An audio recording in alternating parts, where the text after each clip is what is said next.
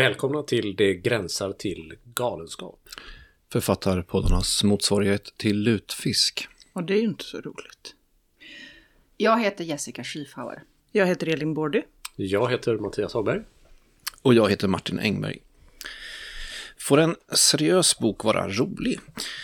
Humor är sällan något som betraktas som en litterär kvalitet i sig och i och för sig gör inte frånvaron av humor det heller. Det finns gott om böcker som rymmer överspänt allvar som inte är det minsta lyckade. Men finns det ändå inte en klichéartad föreställning om att riktig litteratur måste vara allvarlig? Ja, kanske. Böcker som marknadsförs som roliga hör ofta till underhållningslitteraturen med dessa alla undergenrer. Men vid en närmare anblick finns det förstås inslag av humor också i den litteratur som vi tänker på som klassiker. Eller just allvarlig. Inledningen till Moby Dick är ju trots allt ganska rolig när huvudpersonen säger att han inser att det är dags att på nytt ge sig ut till havs när han måste ta hela sin karaktärstyrka till hjälp för att inte fräckt ge mig ut på gatan och med brått mod slå av folk deras hattar. Eller för den delen den underfundiga, lätt absurda humor som finns i det mesta Kristina Lugn skrivit och som ofta tycks vara själva ingången till avgrunden. Jag är inte en slager, jag råkar bara handla om samma saker. Till exempel har hon sagt, skrivit. Handlar detta egentligen mer om skillnaden mellan olika sorters humor eh, än skillnaden mellan humor och frånvaron av humor? Alltså om något ska uppfattas som litterärt eller inte. Att den litterära humorn är mer meandrande och ironisk än skildringar av människor i tokroliga situationer som slår varandra i huvudet med stekpannor och drattar på ändan. Går att föreställa sig en höglitterär motsvarighet till Gösta Ekmans Papphammar. Jag ber om ursäkt för det föråldrade exemplet. Eh, jag kom inte på någon modernare komiker. Eh, men det är i alla fall det här vi ska prata om idag. Humor i litteratur och vad humor gör med en text kan humor användas så att den blir en nödvändig del av eh, skildringen utan att hänfalla åt ren buskis. Vi har tagit med oss lite böcker som vi nog ska läsa lite grann och så vidare.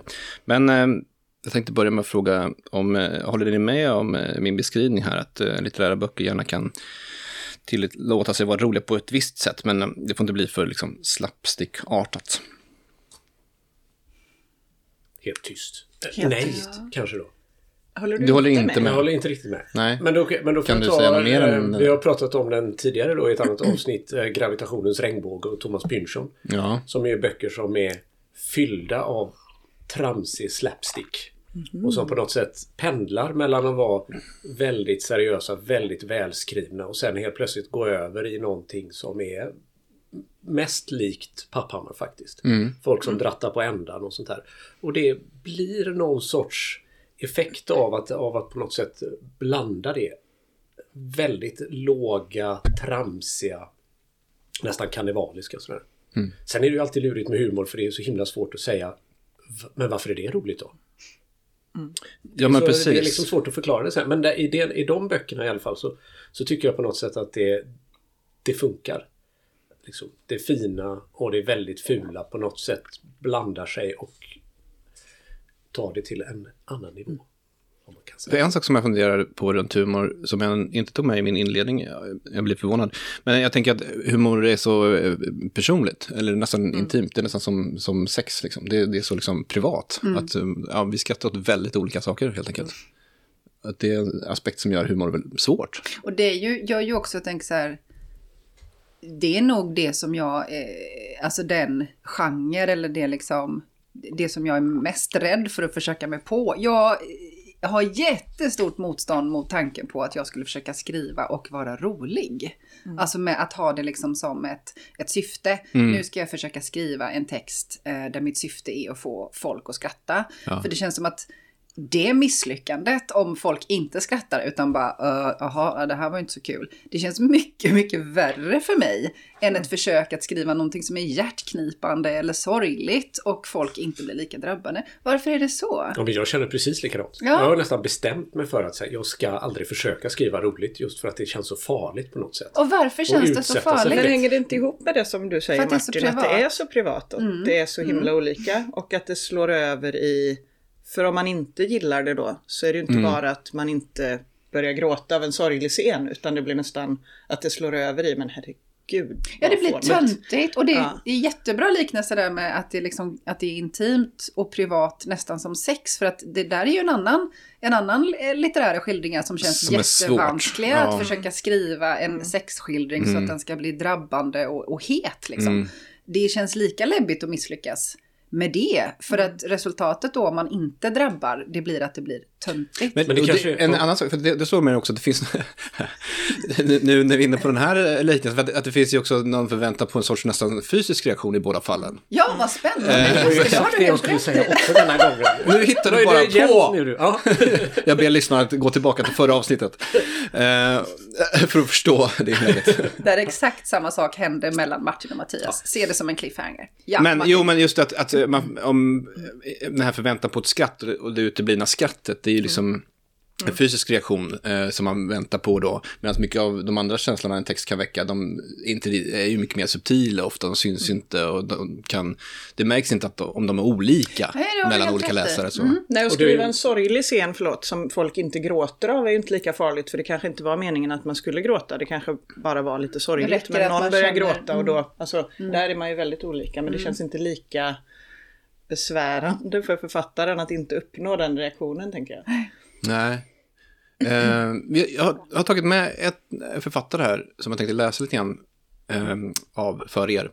Eh, som jag tycker är ganska rolig. Eh, och det är det här författare som heter, jag vet inte om ni känner till honom, han heter David Sedaris, är någon som har hört talas om honom förut? Ja. No. Nej. Ja, han är författare och komiker.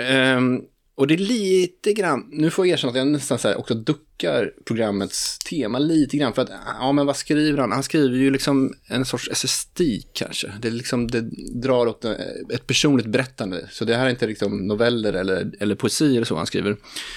Men jag skulle nog ändå påstå att, att det här är litterärt och att det kanske mycket av den litterära kvaliteten ligger i eh, humorn. Um, han skriver texter då som oftast publicerar i stora amerikanska tidskrifter som The New York och sånt där. Eh, och skriver ofta om sin minst sagt dysfunktionella familj, inte minst pappan har ett antal syskon. Och eh, en syster som har begått självmord också, han skriver om detta med.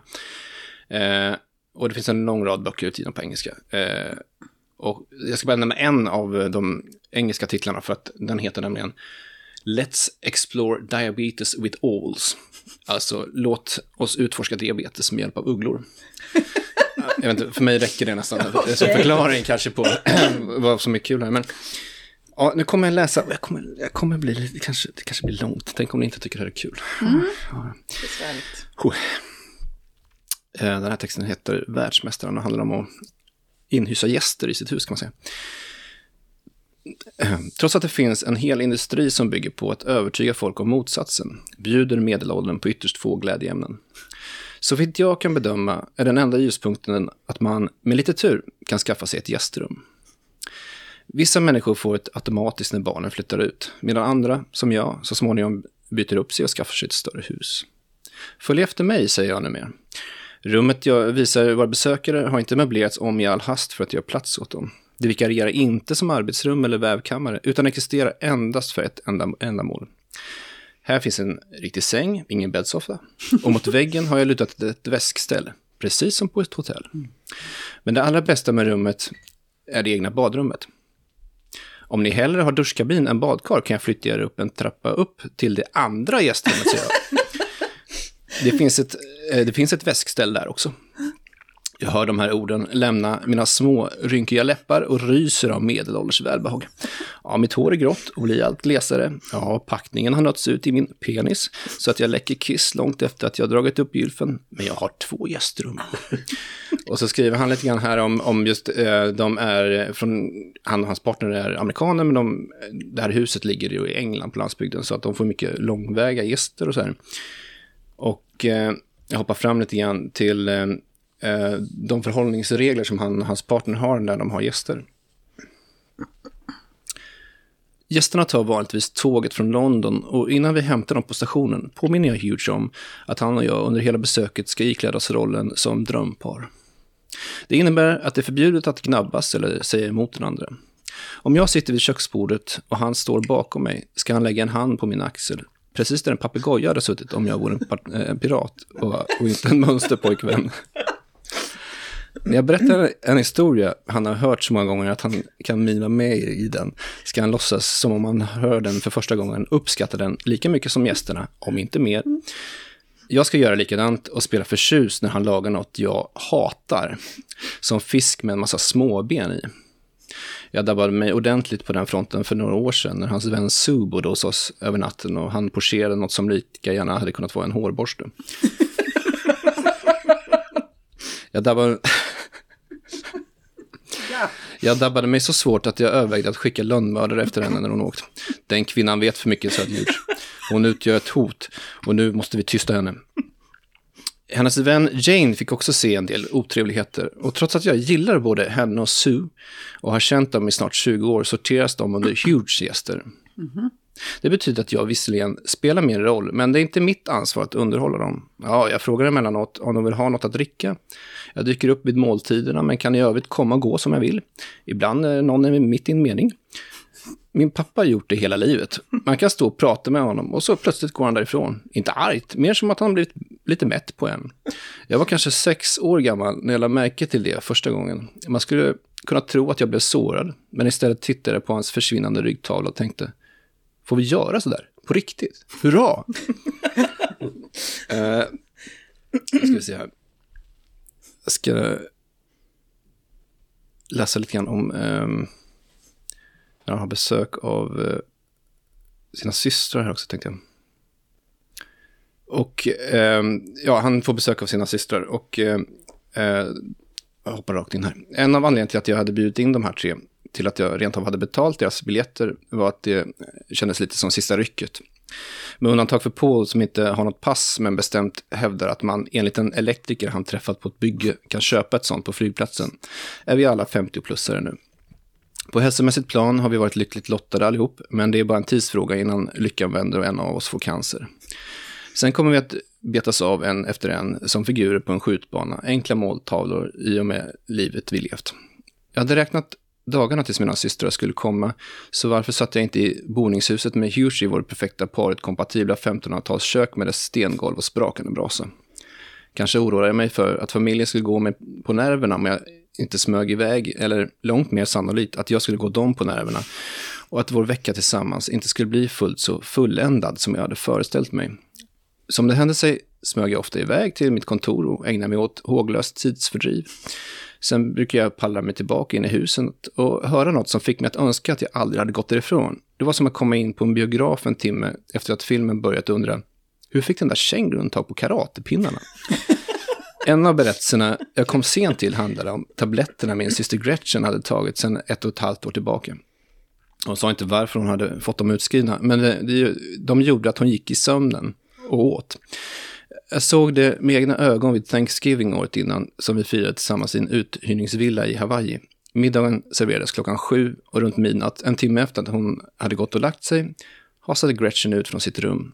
Hugh och jag tittade upp från böckerna vi läste och såg henne gå in i köket.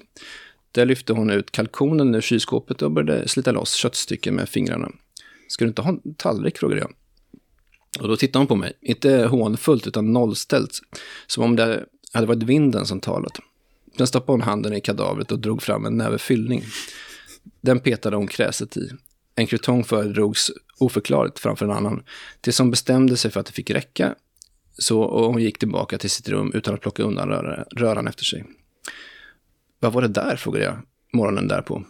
Gretchen, Gretchens min gjorde sig redo för dåliga nyheter. Vad var vad då? Jag berättade vad som hänt och hon sa, fan också. Jag undrade varför det var bruna fläckar på kudden när jag vaknade. Ja, ja.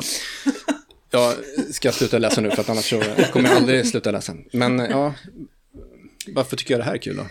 Ja, och jag vill säga så många saker om detta nu. Får jag det? Ja. ja. ja. Nej, men jag tänker så här. Eh, det här är, jag, jag, ett, jag tycker det är roligt. Eh, men det är ju också eh, tragikomiskt. Ja. Eh, det här känns som en text där man använder humorn för att kunna säga ganska så sorgliga, tragiska saker om äh, vad det är att bli äldre, om status, hets, om svårigheten med att ha relationer med vänner och familj. Um, och där kan jag tänka att den, jag tycker det är oerhört skickligt. Jag tycker det är en väldigt speciell talang att kunna använda humorn så att man genom humor kan skriva ganska rått och rättframt om saker som faktiskt är väldigt, väldigt smärtsamma. Um, ja, för är ett sätt är han väldigt utelämnande både av mm. sig själv och sin familj. Liksom. Precis. Och det är inte bara de som är konstiga, han är ju lite konstig själv också. Det, mm. Men uh, han uh, håller inte tillbaka det på något sätt. Föreställer man sig samma innehåll utan den här humoristiska tonen uh, så har jag en känsla av att det skulle bli o, alltså olidligt att läsa mm. om. Liksom. Ja. Um, och där har jag en annan författare med mig som vi kan komma till sen som uh, jag tycker gör exakt samma sak, som använder humor på precis Men kan du inte ta det nu då? Jo, jag kan ta det nu. Um, och detta är väl, uh, kallar honom för en humorkonung, den norske författaren Erlend Loe. och Eh, som vanligt så började jag eh, med att lyssna på en av hans böcker. Jag läste honom mycket förr i tiden. Eh, och sen när vi började prata om att vi skulle göra ett avsnitt om humor så lyssnade jag igenom en av hans romaner som heter Doppler. Eh, och jag skrattade högt. Jag gick runt här hemma och gjorde som jag alltid gör när jag lyssnar på böcker. Diskade och fixade och höll på. Och jag hittade mig själv liksom stående dubbelvikt i olika hörn av mitt hus och skrattade så att jag liksom inte kunde andas. Så att du hittade dig själv stående i olika hörn? Har det aldrig wow. hänt dig Martin? Att man plötsligt inser att jag har nog stått i det här hörnet i minst en minut och skrattat. Utan att jag riktigt tänkte på att jag hamnade där. Det har aldrig hänt dig. Du måste alltså du lever så mycket mer spännande Det ser inte ut som att Martin har hittat sig Nej, själv i något jag, tänk, jag, jag, jag, kan rekommendera det. Det är verkligen en ljusglimt i jag, jag, jag, jag, jag tänker bara på Twin Peaks liksom, och Bob nu, men okej. Okay. Ja. Nå, Mm. jag tänkte att jag skulle läsa ett stycke för er ur Erlend Loes Doppler och eh, kort sammanfattning då av vad som har hänt innan utan att spoila för mycket. Eh, Andreas Doppler är en gift man som har levt ett väldigt duktigt liv. Och en dag när han är ute och cyklar så vurpar han, slår i huvudet och inser att han har levt hela sitt liv fel. Att alla värden han har tagit för stora och bra är skit. Så han eh, flyttar ut i skogen i ett tält och där blir han eh, genom vissa händelser väldigt bra kompis med en ung älg som han döper till Bongo efter sin far, trots att hans far inte hette Bongo eller hade någonting med ordet bongo att göra. Um, och han lever sitt liv där i skogen och eh, har det ganska bra, men efter ett tag så har han en oerhörd brist på socker. Hans kropp behöver socker. Eh, och då så har han spanat in ett hus där det bor en man som av oklara anledningar heter Düsseldorf. Eh, och den här mannen vet han brukar ha choklad hemma. Och nu så står eh, Andreas Doppler och hans älgkompis Bongo utanför fönstret och spanar in till Düsseldorf. Han bygger på en ny modell. Jag ser inte vad det är, men han är djupt koncentrerad och jobbar med pincett och lim. Han har varit ute och rest igen. Och på köksbänken ligger den allra största Toblerone som kan köpas för pengar. Den väger 4,5 kilo, är över en meter lång och lika tjock som mitt lår.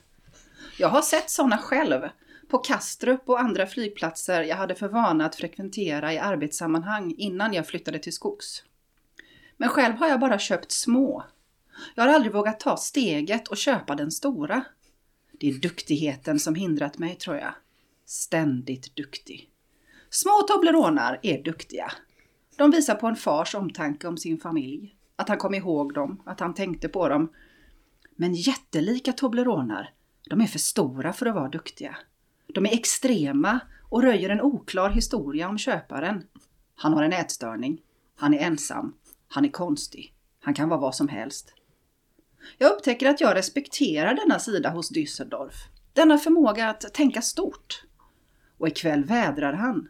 Bakdörren står på glänt för att han vädrar och han vädrar för att han röker. Även ensamma rökare vädrar. Så har det kommit att bli. Och det kan jag utnyttja. Jag ber Bongo stå blickstilla bakom en buske och smyger fram mot bakdörren och in och kryper över köksgolvet mot Tobleronen, mot denna enorma, för att inte säga gigantiska Toblerone som hela jag vill ha. Det är mer än ett sug. Jag känner ett krav på socker ett begär efter socker Och med denna choklad kommer jag att vara säkrad i månader, kanske ett helt år. Och jag sträcker upp armen på köksbänken och drar kolossen mot kanten, närmare och närmare kanten. Och så småningom ligger den på kanten och gungar och jag ger inte ifrån mig ett knyst. Precis som jägare och samlare aldrig gör. Vi har aldrig knystat på jobbet. Vi har varit tysta i 40 000 år och nu har jag den nästan. Och jag sträcker mig, sträcker mig och hör inte att Düsseldorf reser sig, att han går mot köket. Jag befinner mig i ett koncentrerat modus som filtrerar bort onödigt oväsen. Och mitt system definierar detta att Düsseldorf kommer som någonting onödigt. Och det är en fatal missbedömning. Jag anar ingenting som en idiot förrän han rundar hörnet till köket, ser vad som håller på att hända och springer fram till Tobleronen och håller fast den och det blir en kraftmätning oss emellan. Jag vägrar släppa den jättelika chokladbiten och Düsseldorf envisas i sin ände. Det är man mot man på klassiskt maner och fast jag säkert är starkare än han på pappret så blir jag överraskande nog vittne till att Düsseldorf vrider Tobleronen ur mina händer och smäller mig hårt i huvudet med den upprepade gånger. Det svartnar för ögonen och när jag kommer till sans igen ligger jag surrad och bunden, som det dessvärre heter, på Düsseldorfs köksgolv, som för övrigt är utfört i brunt linoleum. Och i samma stil så pågår den här boken från början till slut. Och jag ska som sagt inte spoila storyn eftersom om ni läser den så kommer ni kunna hitta er själva ståendes i hörn. Skrattande dubbelvikta. Ja men den är ju helt fantastisk. Jag älskar den första scenen när han slår i huvudet när han är ute och cyklar. Ja, och så, så börjar låten till Pingu. Alla, alla som har små barn vet vad Pingu är. Det är en, liksom en animerad historia om en pingvin och det är en ja. oerhört irriterande signaturmelodi oh, till den. Ja. Och man har hört den en miljon gånger och den börjar snurra i huvudet på honom och det är mhm. då han mm. liksom på något sätt vaknar till att han måste starta om sitt liv i mm. skogen. Och sen efter den så tror jag att det är signaturmelodin till Byggare Bob. När han väl har blivit av med Pingu signaturmelodin så kommer Byggare Bob istället. Ja, alltså jag, jag, tycker liksom att det finns samma kvalitet här. Eh, det är liksom någonstans ett försök att få tag på vad fan det är att vara människa och vilka värden som är viktiga. Eh, och den här Andreas Doppler beter sig genom hela boken fullständigt makalöst osympatiskt kan man tycka. Men efter ett tag så börjar man inse att det är inte så. Liksom. Och hans idé om att han ska flytta ut i skogen och bli ensamvarg fungerar ju naturligtvis inte utan han får liksom anhängare och alltihop liksom, eskalerar så att säga till någonting som man inte alls hade föreställt sig från början. Och jag tänker på samma sätt som det som du läste där Martin, att det här skulle inte fungera. Det skulle inte fungera att berätta om detta på det här väldigt konkreta, råa sättet utan humorn. Det skulle bli en ganska mer, alltså man skulle mm. känna lite så här, mm. ja ja, det vet jag väl, att här går vi och jobbar och renoverar badrum och stör oss på signaturmelodier till barnprogram och åker på stormarknad och köper korv för 10 spänn och allt liksom som han radar upp. Och det vet väl jag att det finns andra värden i livet som jag egentligen borde ägna mig mera åt. Men i och med den här fantastiska humorn så blir det så skarpt liksom. Mm. Ja, men han är ju också så fantastisk på att hitta små detaljer och konstiga ingångar just till det du säger. Som den här i eh, Naiv Super när han ska bli världsbäst på en bultplatta. Mm. Ja, ja. Mm. Men jag, jag intervjuade honom en gång för sju år sedan kanske och såg jättemycket fram emot detta och tänkte det här kommer bli hur roligt som helst. Och jag åkte upp till Oslo med världens största förväntningar och mötte en ganska tråkig medelålders man som bara pratade mest om hur fantastiskt han själv tyckte det var ute och köra mountainbike i skogen och samla på, på cyklar och sådana saker. Och var väl lite besviken när jag åkte hem och, och satte mig och skrev ner eller skrev ut intervjun. Och helt plötsligt när den kom på pappret så var det jätteroligt. det var så mystiskt liksom. För på något, på, på något sätt, alltså, han, han var inte rolig i sig. Men, mm. men han är, han, det var någon sorts långsamt verkande humor som mer liksom krävde det där långsamma skrivna formatet. Gud, fantastiskt. Men visst är det så att även hans böcker funkar precis likadant? Ja men verkligen. Alla hans berättarröster, som jag har läst i alla fall, är ju skrivna med en väldigt lågmäld gravallvarlig ton. Liksom. Mm. Mm. Språkligt sett, känslomässigt sett. Och sen så är innehållet så fruktansvärt dråpligt. Och där någonstans i den kontrasten så uppstår ju någonting mm. som får mig att både skratta och bli smärtsamt medveten om shit, det är så här vi håller på ju, vad fåniga vi är liksom. Mm. Men, jag, men jag vill fråga er något om, när jag tänkte på inför det här avsnittet, det är ju svårt med humor som sagt. Men så tänkte jag på, försökte jag komma på liksom vad jag skrattar åt i böcker och vad jag har tyckt varit roligt. Och så tänker jag så här, det finns för mig i alla fall två helt olika Alltså det finns det här ha ha ha som jag finner mig skratta mm. högt av. Och sen finns det liksom något annat som, som jag skulle säga är väldigt roligt men inte får mig att skratta högt. Mm. Men att det är mer som ett mys inombords där jag säger mm, det här var roligt. Men det kommer inte ut som ett ha-ha-ha. Känner ni igen den? Men jag tänker på det som någon sorts iron, att någon ironi blir synlig. Eller jag vet inte, ja, hur skulle du beskriva? Jag vet inte om det är ironi jag är ute efter. Ja, när, jag, när jag satt och, och eller stod framför bokhyllan och försökte liksom mm. välja ut saker till det här avsnittet. Eh, så fick jag helt blackout till slut. Just för att mm. jag hittade bara böcker som säger herregud, här måste jag läsa hundra sidor för mm. att man ska mm. förstå det roliga i detta. Och man skrattar inte men ändå skulle jag liksom lägga det i högen av att det här är roligt, det här är träffsäkert, det här avslöjar någonting. Liksom. Jag, jag, tänkte det var, det var lite mer, när jag sa ironi så menade jag inte just att, att ironisk humor, utan jag menar liksom att det finns någon så här, någonting blir synligt i, mm. i ett glapp på något mm. sätt. Ja, alltså mellan, mellan formuleringarna och vad som händer. På, men, det. Och det är väldigt mm. roligt, men mm. det är inte så här roligt på ett sätt som får någon gapskratta liksom Nej. på det sättet. Nej, och jag kan ju uppskatta det jättemycket. Jag tror att det är ganska få böcker som jag skrattar högt åt, men ganska mycket där jag så tycker, men det var mycket svårare att hitta exempel mm. på de här som man inte skrattar högt. Men vilka scener är det här då som är väldigt roliga liksom? Mm. Eller vad är det som, alltså jag tog med mig Franske Bengtssons Röde Orm som jag läste eh, nu, läste om eh, i vintras typ. Eh, som ju är rolig nästan hela tiden på ett mm lågmält underskruvat sätt. Det här väldigt lakoniska liksom som spelar med de här isländska sagornas hårdkokta formuleringar fast han gör det liksom. Alltså det är hela tiden underskruvade. Och, och jag kan inte hitta, jag kan inte hitta något ställe som ska liksom visa detta men det är ju småroligt men jag skrattar inte högt av det. Nej. Men jag sitter ju och myser och njuter när jag läser det. Eh, men, det men det kan hända att, att man bara är olika. Folk kanske faktiskt skrattar högt åt detta. Jag kanske bara är, inte släpper ut det. men du Martin, du har ju skrivit böcker som är roliga. Ja, men det, vi andra det var ju roligt att höra. Nej, men... Hallå? ja. Han Kom nappade igen. inte på den. Han nappade inte på den kroken. jo, nej, ja. Nej, men en, en, en, en enastående karriär ja. har ju liksom en väldigt komisk Ge... underton. Den, den påminner Säg mera.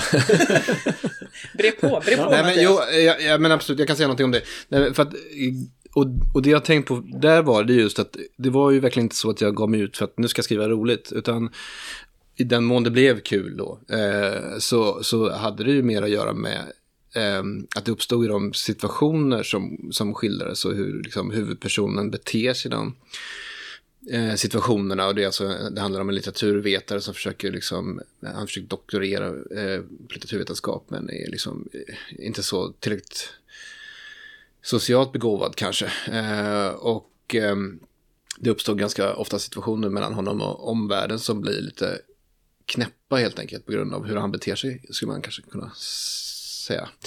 Mm. Um, så där låg det mycket idé i, i det sociala spelet och kanske liksom också att, att, att det finns någon möjlighet, eventuellt till igenkänning, liksom, där man själv har med, varit med om någon liknande situation och gjort bort sig och sådär. Um, så tänkte jag nog på det. Men jag, jag, tänkte också nog på det att det var just att det är en så här, ja, det, det spelas på, på, på liksom i, i universitetskorridorer och kontor och undervisningssalar och så här. Och det är ju ganska platta, tråkiga miljöer i sig. Liksom. Så det gick ju mm. att använda sådana sorts liksom, utgångspunkt.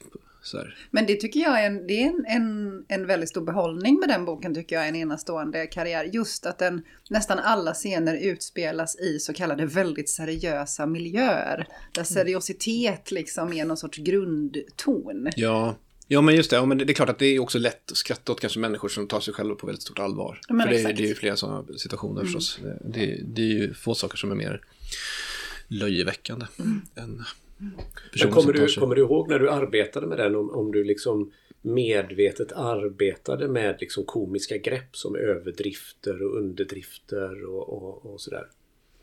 Eller, eller föll det sig naturligt att, att det, liksom, det här var ett material som redan på förhand hade någonting lite komiskt i sig? Ja, men kanske att jag lät, eh, alltså att jag drog ut det lite grann. Så var det nog.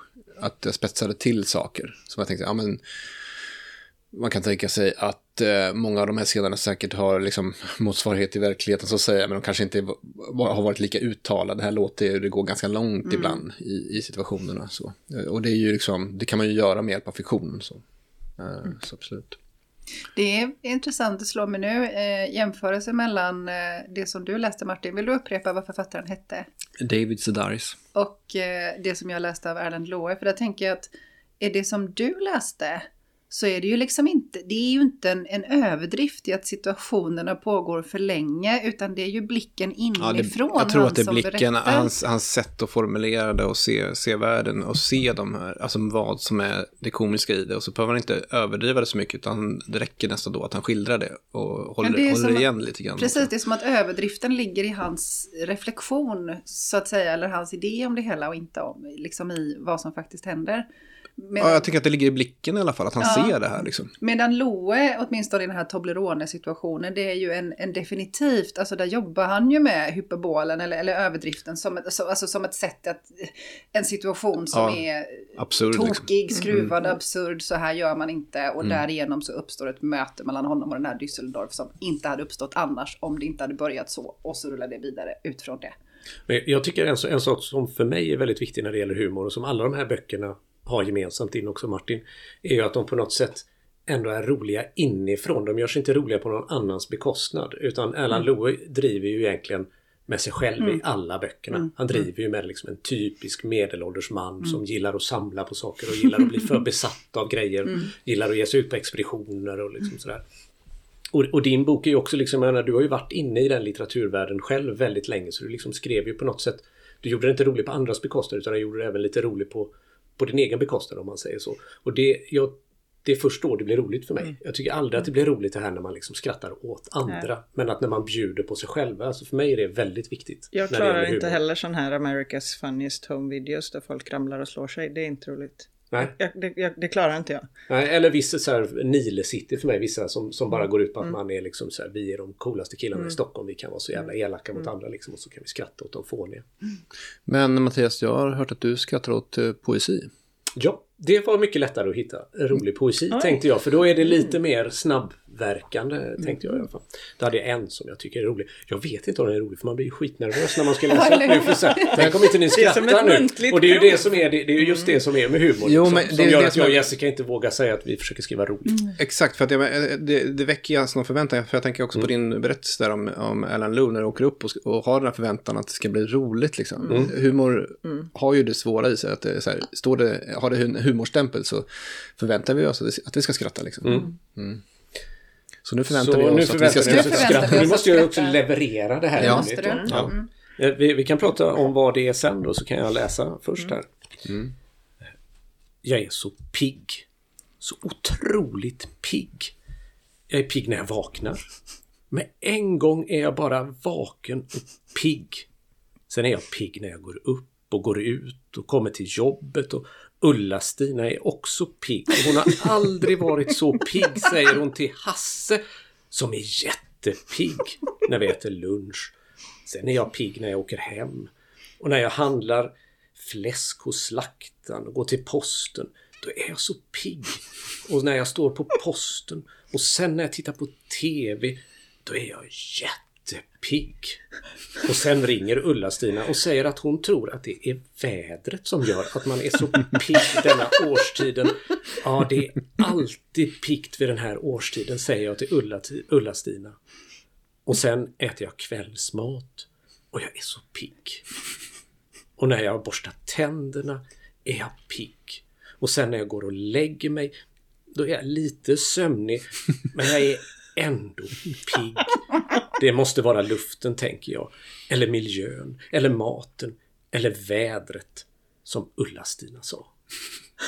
Jag, tror... jag, jag, vet inte varför detta är roligt. Det är men, det är, men det är roligt. Men det är, det, den driver ju också lite grann med Alltså det är samma humor som Erland Loe eller sånt där. Det driver ju med det här hur man mm. pratar på jobbet och man går ut och pratar att man är trött mm. jämt och ständigt och egentligen ska vara pigg och härlig och sådär. Det är en underbar ja. ironi. Är, ja. det, är det Lina Ekdahl? Ja, självklart. Det hör man ju. Och titeln på dikten kanske du ska säga också. Trött på att vara trött. Ja. Men jag tycker faktiskt att tid, hade jag, lä jag, läste inte titeln. För jag, läser man titeln mm. så tar man på något sätt mm. bort lite utav överraskningsmomentet i mm. den. På något sätt. Men hon är ju väldigt ofta rolig. Mm. Ja om väldigt allvarliga saker. Ja, ja, ja mm. verkligen. Mm. Ja, men, ja, men, men oj, det skulle jag vilja säga en annan sak. På tal om Lina Ekdahl. Och, eh, för hon är ju känd för att vara en, en, rolig poet. Alltså, hon är bra på det. Hon är också bra på att läsa på ett roligt sätt. Mm. Alltså hennes sätt som är liksom lite... Just det här repetitiva återkommer ju. Eh, men jag tyckte det var intressant när hennes senaste diktsamling kom. Eh, som faktiskt inte är så rolig. Mm. Utan den handlar mer om skilsmässa och, och, mm. om ganska allvarliga saker. Och den har ju fortfarande det här enkla och liksom direkta tilltalet. Men, men jag vet att jag, jag var på releasen av den och, och eh, just att folk liksom skrattade lite automatiskt för man förväntade sig att det skulle vara mm. roligt. Så, ja, men fast det här, det här är ju... Det är inte, det är roligt. inte roligt på det sättet som, som de här andra, den här sortens dikter som de också mm. har skrivit är. Liksom. Mm. Ja. Men det måste ju vara jättesvårt om man då har gjort sig känd. Man har gjort sig ett namn på att man har en humor som författare eller som poet. Mm. Och om man då plötsligt en dag vill göra någonting på ett annat sätt. Alltså man vill inte använda humorn utan man vill skriva på ett annat sätt och kanske är jättebra på det. Och just det där med förväntningen där ju måste ju stå i vägen något mm. enormt, tänker jag. Att man som läsare då hade förväntat sig den här humordimensionen och så plötsligt så har författaren gjort någonting annat som kan vara nog så fantastiskt men inte det där man trodde att man skulle få. Usch, det är också en stor skräck. Nej, usch, det vill jag inte prata om. det är kanske därför vi håller oss undan från det. Men jag måste bara fråga en sak, apropå det som du sa Jessica och som jag också hängde på där då, om, om att vara, inte våga eller vilja vara rolig för att man är liksom, det är så mm. Vågat att vara ja, det. Man ska säga, laddat liksom, sådär. Men samtidigt kan jag känna att man vill ju inte bli tagen på för stort allvar heller. Nej, den där balansen. Eller man vill i alla fall inte bli upplevd som en som tar sig själv på Nej, för stort precis. allvar. Och man vill ju, jag skulle gärna vilja att mina böcker som är ganska allvarliga och tunga saker och sånt där. Men jag tänker mig att de ska läsas med en viss förståelse att detta är ändå fiktion och det mm. finns någonting liksom lite... Ja men jag tänker, din senaste bok är ju väldigt rolig mm, på det där. Skallarna. Mm. Den är, sättet som inte är så skrattretande just eh, mm. när det handlar om den här liksom författare som går runt och läser fiktiva mm. böcker. Liksom. Och det tycker jag, sånt tycker jag är jättekul. Men det är roligt på det mysroliga sättet. Ja, det är det, är, det, är det ju verkligen så. Ja. Men, ja. men även i övrigt när man liksom skriver någon... sånt som är väldigt, väldigt allvarligt så vill jag, eh, så mm. tycker jag ändå alltså just det här som du säger, inte Nej, nej. Men jag tänkte... inte framstå som att ta för sig själv på för Där, där är det ju på något sätt det roliga att man liksom känner igen Eh, den sortens berättelse och, och görs den på fel sätt så blir det ju bara en kliché. Men där är det så uppenbart i din roman att, att, det, att det görs med eh, medvetenhet. Liksom. Mm. Och, och, det är ju det som får det att funka och som gör det kul. Liksom. Mm. Annars hade det bara blivit liksom, en... Mm. Men att man är medveten om att det här är en kliché liksom. på något sätt. Ja, ja men precis. Ja. Men det är någonting med din huvudperson där tycker jag, Mattias i skallarna. Jag tänker så här, men ja, jag minns att den är rolig. Varför tyckte jag att den var rolig? Och då kom det tre saker till mig nu i minnet. Det ena är att huvudpersonen röker precis hela tiden, dricker enorma mängder kaffe och äter typ Findus fiskgratäng tror jag. Eh... Det är fruktansvärt roligt.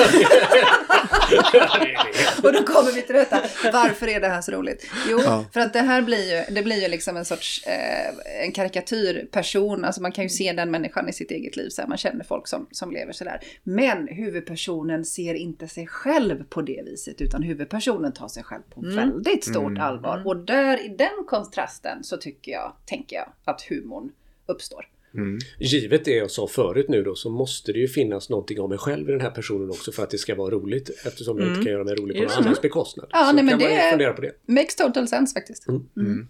Mm. Mm. Kaffe, fiskgratäng, svarta kläder, mycket dystert. Cigarett. Cigarett. Ja, fast inga cigaretter har jag aldrig sett dig med än så länge. får du börja med så att bilden blir komplett liksom.